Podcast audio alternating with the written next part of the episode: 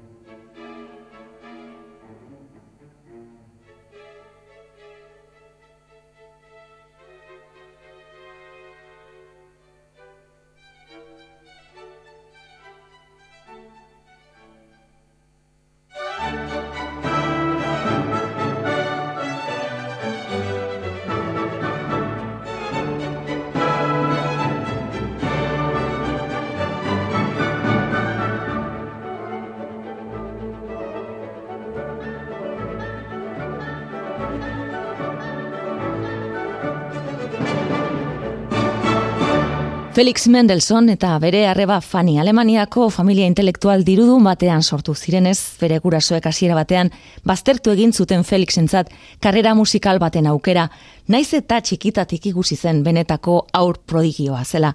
Itz bitan esan da, ez zuten semearen gandik errenta ateratzeko beharrik ikusten, Beethoven eta beste hainbaten etxeetan gertatu zen moduan. Aurrerago arazori gabe, jabetu ziren bere bizi proiektua izango zela. Baina urdurako bere lehen lanak idatzi zituen amabi amala urterekin. Amairu sinfonia eta etxeko saloiean interpretatzen zituen gurasoen sozio zein lagunentzat orkestra pribatu batez lagunduta. Zortzigarrenaren minueta entzun dugu Amsterdam Sinfonieta soka taldearen eskutik. Klasikoak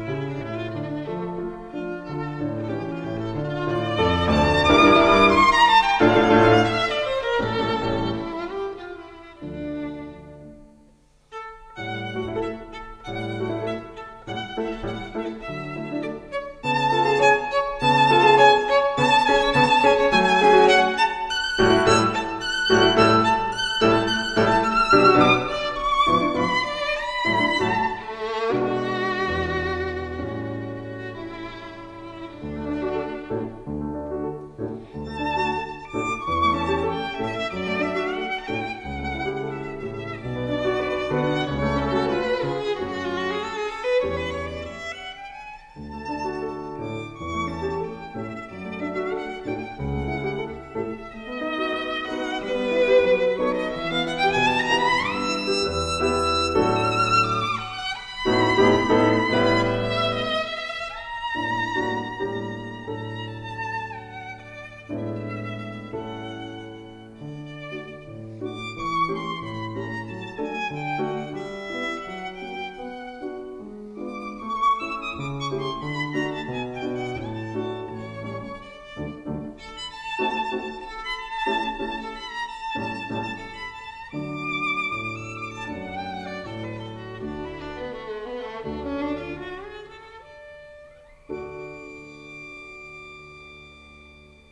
Tinoa Jang, txelista txinatarra eta Markus Jadula piano alemaniarra genituen sarasateren obra batean. Confidence, ziurrenik ere Paul Verlaine poeta frantziarraren roman San Pagol idatzian oinarritua dagoen pieza ez zine derragoan. Klasikoak eite ben.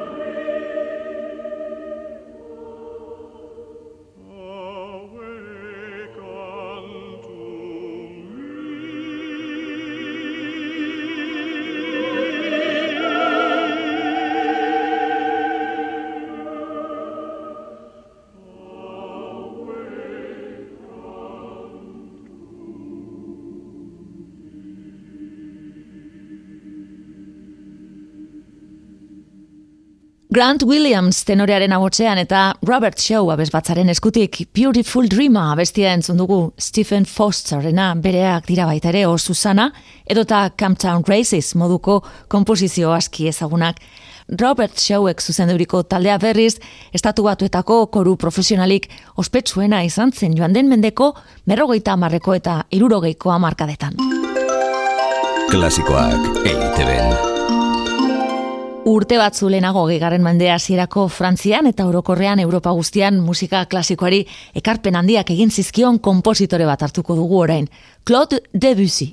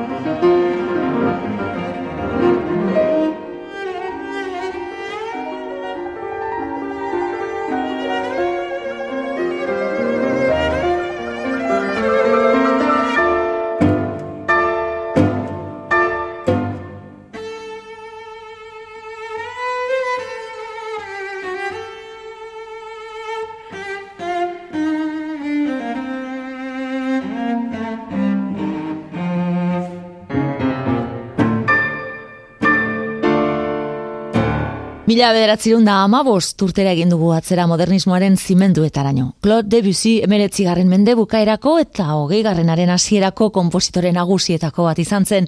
Txelo eta pianorako idatzi zuen sonata bikaina entzun dugu. Daniel Müller-Schott txelista alemaniarra eta jatorri letoniarreko Robert Kulek pianista izan ditugu. Klasikoak EITB.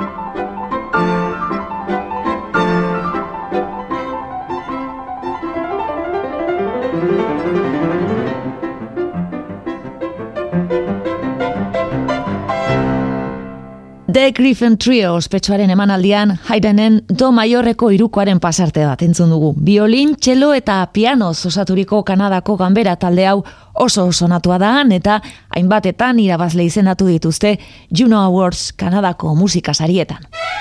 Klasikoak EITB. Eta zeiru itzen abanera batekin jarraitzen badugu. Adituentza Angela Hewitt pianistaren interpretaziorik onenetako bada proposatzen dizu dana. Hona hemen Emmanuel Xavieren abanera.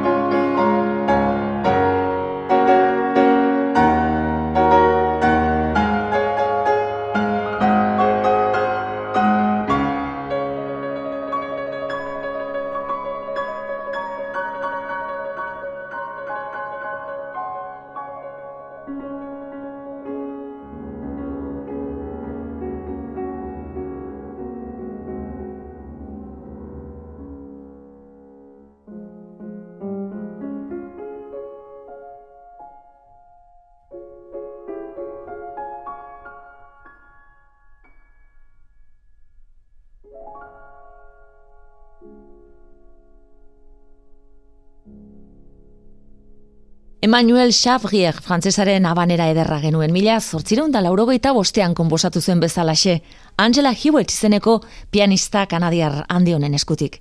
Izan ere, urrengo urtetan orkestrarako moldatu zuen Chavrier berak, baina esan bezala, berez, pianorako pentsatu zuen. Klasikoak eite Jordi Zabali etzaio bain ere behar adina eskertuko antzinako musikan egindako lana. Horengoan, amazazpigarren mendeko burgoseko gitarrista baten doinua ekarriko digu. Paradetaz. Laurogeita amairuan foliasi kanarios diskoan bildu zuen barrokoaren zenbait harri bitxirekin. Besterik gabe, Kataluniako zuzendari eta biola gambista ospetsuarekin uzten zaituzet.